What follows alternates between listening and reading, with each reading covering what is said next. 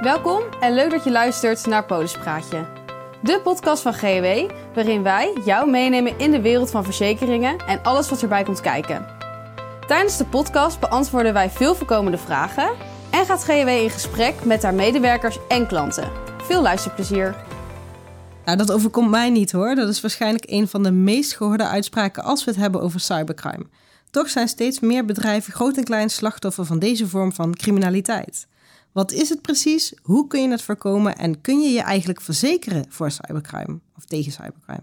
Mike Hendricks van GW Assurantieadviseurs en Mijntje van Paridon van Hienveld Cyberverzekeringen zijn vandaag aangeschoven om deze vragen te beantwoorden. Welkom, leuk dat jullie er zijn. Uh, Mijntje, ik begin meteen bij jou. Um, wat is cybercrime precies? Wat valt er allemaal onder?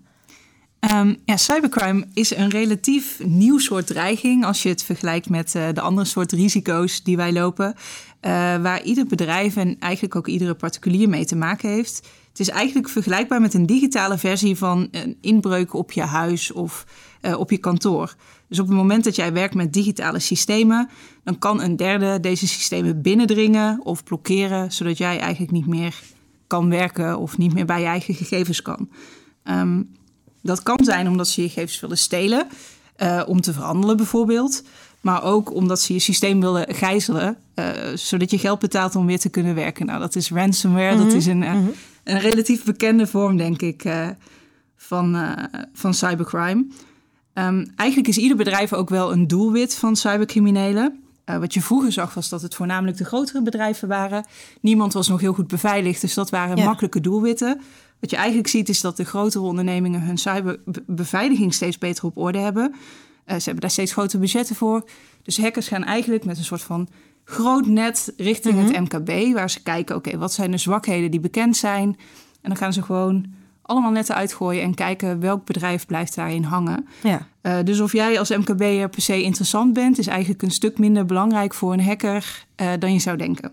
Ja, dus het gevaar is misschien wel groter dan je, dan je in eerste instantie zou denken als je geen uh, multinational bent. Zeker, zeker. Eén op de vier ondernemers heeft tegenwoordig te maken met cybercrime. Dus dat, uh, dat is een risico uh, wat eigenlijk nog wel groter is dan, uh, dan vele andere risico's waar je bij verzekeraar denkt. Ja, en gaat het dan vaak ook om grote bedragen of kan het ook iets zijn, een kleinigheidje zijn? Waar moeten we aan denken als het, als het gaat om, om schade van cybercrime? Nou, dat kan heel erg uiteenlopen. Mm -hmm. uh, dat hangt natuurlijk ook echt af van het soort incident. Soms klikt een medewerker op een gek linkje en dan maakt je uh, je ICT er een paar overuren om een backup terug te zetten. En dan ben je er gelukkig van af. Maar in het ergste geval kan dat echt wel in de tonnen lopen. Ik kan eventjes een voorbeeld geven van ja, hoe zo'n incident dan op dat moment mm -hmm. verloopt. Dat geeft denk ik ook wel een goed beeld van um, waar je tegenaan loopt als ondernemer op zo'n moment. Um, dus stel, een medewerker van jou klikt op een linkje en dat linkje is niet in orde. Um, er wordt, uh, iemand doet zich voor als een klant en die zegt: Nou, klik even op dit linkje om uh, de foto's van ons bedrijfsuitje te bekijken. Die medewerker denkt hartstikke leuk. En er wordt malware geïnstalleerd op het netwerk van je bedrijf. Nou, dat wordt niet gezien. Zo'n hacker die kan lekker twee, drie weken zijn ding doen in jouw systeem. Um, jouw ICT'er heeft een, uh, ingericht dat er iedere week een backup wordt gemaakt. En die backup wordt iedere week vervangen. Dus die malware zit ondertussen al wekenlang in je backup. Nou, na een paar weken krijg je een bericht. Uh, je probeert 's ochtends in te loggen, je kan niet in je systeem. Het zou ook nog wel kunnen dat je niet eens binnen kan, want je deuren zijn geblokkeerd, want die zijn aangesloten op je netwerk. Uh, je kan niet bellen, je kan niet bij je mail, je kan niet bij je klantbestand. Heb je mm -hmm. afspraken die dag? Nou, vergeet het maar, want je weet niet wat je hebt. Zit je in de productie, je systemen liggen stil, je kan gewoon helemaal niks. Grootste nachtmerrie voor elke ondernemer als ik het zo. Uh, ja, zo ja en het, het, gebeurt regelmatig. Ransomware is gewoon een veel voorkomende vorm van cybercriminaliteit, mm -hmm. omdat die tijdsdruk natuurlijk ook zorgt dat veel mensen kiezen om te betalen. Mm -hmm. uh, dus als jij als hacker een heel groot vangnet uitgooit en uh, je pakt 100 bedrijven en je vraagt 40.000 euro per bedrijf, nou tel uit je winst als dat lukt. Ja. Uh, nou, op dat moment worden er vijf bitcoins uh, gevraagd en daarna mag jij weer in je systeem. Nou, ten eerste komen er natuurlijk heel veel dingen op je af. Um, hoe kom je aan bitcoins? Wat doe je met je personeel? Wat doe je met die klanten die misschien uh, voor de deur komen te staan? Je vraagt je ICT'er, los dit op. En je ICT'er komt vier uur later bij je terug en zegt... ja, de backup is ook geïnfecteerd. Dit gaat hem niet worden. Mm -hmm. nou, je staat daar natuurlijk eigenlijk gewoon vol in paniek inderdaad. En dan is de vraag, ja, hoe snel ga je dit oplossen? Hoe kan jij, uh, je kan ervoor kiezen om te betalen, Mhm. maar, maar zo'n 25% van de mensen die losgeld betaalt, krijgt ook echt weer toegang tot hun systemen. Sorry. Dus dat lost ook niet in uh, ruim niet alle gevallen de situatie op. Nou ja, goed, dan heb je het over een langere termijnperiode waarin je echt wel dagen of weken gewoon niet kan werken. En als je dan gaat optellen wat de kosten zijn om dat te fixen en de kosten van je bedrijfsstilstand, Ja. en dan kan dat zo in de tonnen lopen. Ja.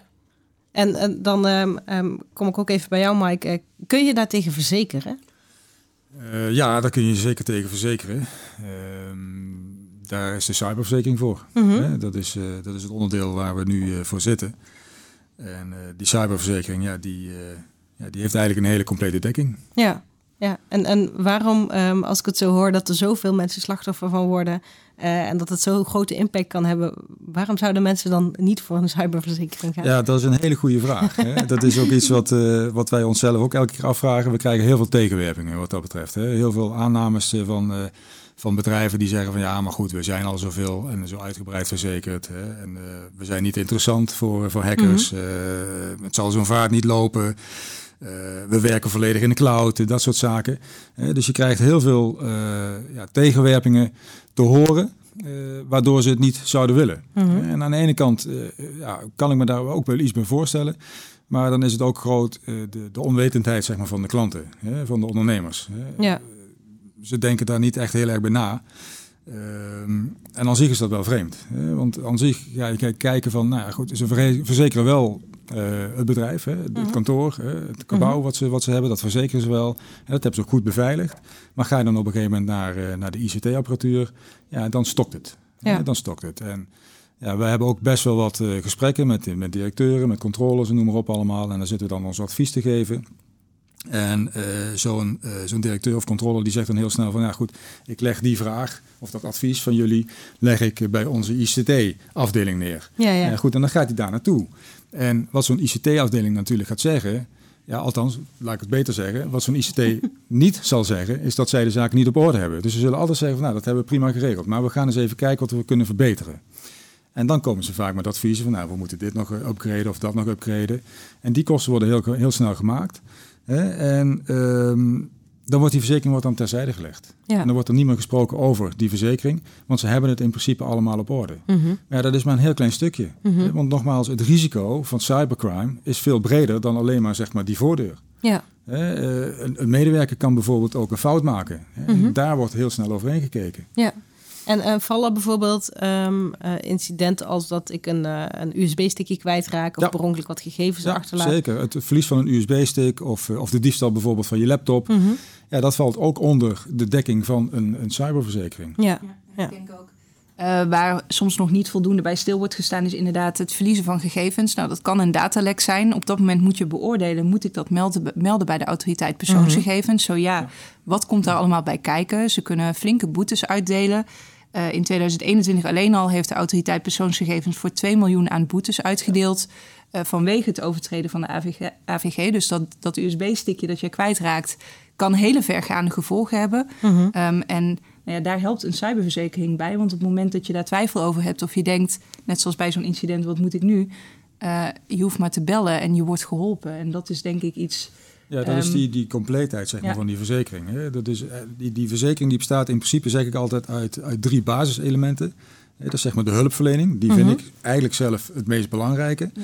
Uh, dan heb je de aansprakelijkheidsdekking en dan heb je zeg maar de, de eigen schadedekking. Ja. ja. En als je dan gaat kijken naar die hulpverlening, dus, dus we noemen dat dan de crisis incident management, noem het maar, plak er maar een naam aan. maar dat is eigenlijk een hulpverlening die, die 24-7 tot jouw beschikking staat. En uh, dan krijg je een manager zeg maar, toebedeeld. En die manager die, uh, die coördineert en ondersteunt zeg maar, jou volledig. En die maakt op een gegeven moment de connectie uh, met, uh, met de diverse specialisten. En dan moet je denken aan bijvoorbeeld cyber-IT-specialisten of forensische specialisten. je kunt ook denken aan juridische adviseurs. Hè, op het moment zeg maar, dat je aansprakelijk gesteld wordt. Hè, want je moet ook verweerkosten maken Mhm. en dergelijke. Advocaatkosten, noem maar op allemaal. Maar ook op het gebied van, van communicatie. Want je moet ook jouw klanten zeg maar, moet je gaan informeren Ja. over dat jij overvallen bent. Nou ja, goed. Verzin zelf maar een keer een tekst. Dat is heel erg lastig. Hè? Dus je hebt uh, communicatiespecialisten. Uh, je hebt bijvoorbeeld ook deskundigen op het gebied van uh, kredietbeheer. Nou ja, goed, eigenlijk een heel palet zeg maar, van specialisten die op dat moment tot jouw beschikking staan. Ja, die voor jou klaarstaan, precies. Ja, precies. Um, we gaan bijna afronden, maar voordat ik dat ga doen, wil ik uh, jullie graag vragen of jullie nog tips hebben om um, cybercrime te voorkomen. Of een belangrijke tip. Want ik kan me voorstellen, vooral in de periode dat mensen veel thuiswerken en dat ook echt nog wel blijven doen, um, dat dat voor, voor bedrijven een steeds groter wordende uitdaging is. Um, dus misschien een, een, gouden tip of een van de adviezen nou die jullie goed. mee kunnen geven? Als je gaat, kijken naar een gouden tip, hè, dan zeg ik eigenlijk altijd van gebruik het gezonde verstand. maar als je dan uh, gaat kijken naar je systemen, je kunt altijd je kunt altijd kijken naar van goed, hoe kwetsbaar is mijn systeem? Hè? Uh, heb ik de juiste veilige instellingen, heb ik die gekozen? Uh, heb ik mijn updates, heb ik die doorgevoerd? Uh, zijn mijn, update, mijn apparatuur geüpdate, mijn software geüpdate? je kunt ook als bedrijf zijn, dan kun je ook gaan kijken van nou goed, welke werknemer heeft toegang tot bepaalde mhm. systemen, zeg maar, tot bepaalde data. Daar kun je al een heel groot verschil maken. Nou ja, goed, voorkom virussen, andere malware. Stimuleer medewerkers voor, uh, voor veilig gedrag. Uh, gebruik een antivirusprogramma, noem maar op allemaal.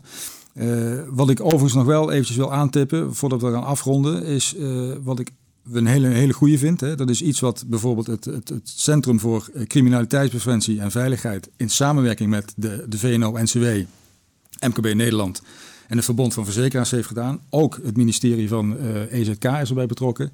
Dat is zeg maar de, de risicoklasse-indeling van digitale veiligheid. Mhm. En dat is de laatste dagen eh, ook enorm in het nieuws geweest. Uh, Digital Trust Center, nou, dat is zeg maar een samenwerking. Uh, die risicoklasse-indeling die, die wijst zeg maar de ondernemer via dat Digital Trust Center uh, op zijn cyberrisico's. Je gaat naar, de, naar die site toe en aan de hand van uh, elf vragen wordt dan bepaald in welke risicoklasse de onderneming valt en in welke beveiligingsmaatregelen de onderneming kan nemen, kan treffen om zijn digitale veiligheid te verbeteren. Mhm. Je krijgt dan als ondernemer krijg je dan uh, een pdf-bestand van die online vragen die je hebt ingevuld. Mhm. En daarmee kun je dan mee aan de slag. Ja. En dat is aan zich is dat, uh, is een hele goede uh, samenwerking die er eigenlijk op, op gericht is, zeg maar, op het bewustzijn van de cyberrisico's bij ondernemend Nederland zeg maar, te vergroten. Ja. Maar misschien is dat dan wel de gouden tip om daar uh, eerst een inventarisatie te doen van wat er, uh, wat er überhaupt nodig is. Nou ja, goed, ik heb inderdaad uh, mijn relaties daar de laatste tijd enorm op gewezen. Ja. Hè? Het moet niet altijd gaan om het afsluiten van verzekeringen. Dat, natuurlijk is dat wel een ding wat, wat wij natuurlijk doen. Maar ik vind altijd het belangrijkste vind ik het advies. Ja. En ik geef altijd graag uh, te pas en te onpas geef ik het advies. en uh, ja, het hoeft ook niet altijd te gaan om het afsluiten van een verzekering. Ja. Als ik op een gegeven moment een relatie kan uh, attenderen op bijvoorbeeld net als die risicoklasse-indeling, ja, dan zal ik dat zeker niet nalaten. Nee, dus bij deze. Mijntje eens? Heb je nog een aanvulling? Ja, eens. Uh, korte aanvulling eigenlijk aansluitend op wat Mike zei. Uh, neem je personeel mee in wat je doet. Ja. 30% van de incidenten wordt veroorzaakt door een fout van een medewerker. Dus vergeet je eigen mensen niet. Um, ja, een hele irritante, maar zorg voor twee-staps authenticatie. dus niet alleen je mailadres, maar ook een appje of een sms uh, om in te kunnen loggen. Want dat voor, voor, voorkomt nou, zo'n hoog percentage van de hacks. Ja. Um, en zorg ervoor dat je niet steeds hetzelfde wachtwoord ge eh, gebruikt. Dus ja. log niet overal met hetzelfde wachtwoord in. Uh, de website Have I Been Pwned is vast bekend. Daar kan je mm -hmm. op checken of jouw gegevens betrokken zijn geweest bij een datalek. Nou, als jouw bedrijfsgegevens daarbij betrokken zijn geweest en je gebruikt overal dat wachtwoord, dan is dat eigenlijk in handen van iedereen ja. die daar kijkt. Dus uh, dat zijn mijn tips. Ja, iets wat iedereen denk ik wel weet, maar dat we vanaf nu ook echt gaan doen. Allemaal Precies. unieke wachtwoorden. Dus, uh, of ja. wachtwoord key gebruiken, toch? Is uh, nog beter inderdaad. Ja, ja, Goed. Ik wil jullie bedanken voor jullie uitleg en jullie inzichten. Wil je nou meer weten over de risico's van cybercrime voor jouw bedrijf of hoe je dat kunt verzekeren? Neem dan contact op met GHW of download ons whitepaper op www.ghw.nl. Bedankt voor het luisteren naar Podespraatje, de podcast van GHW. Ga voor meer informatie naar ghw.nl slash podespraatje of volg ons op social media voor het laatste nieuws.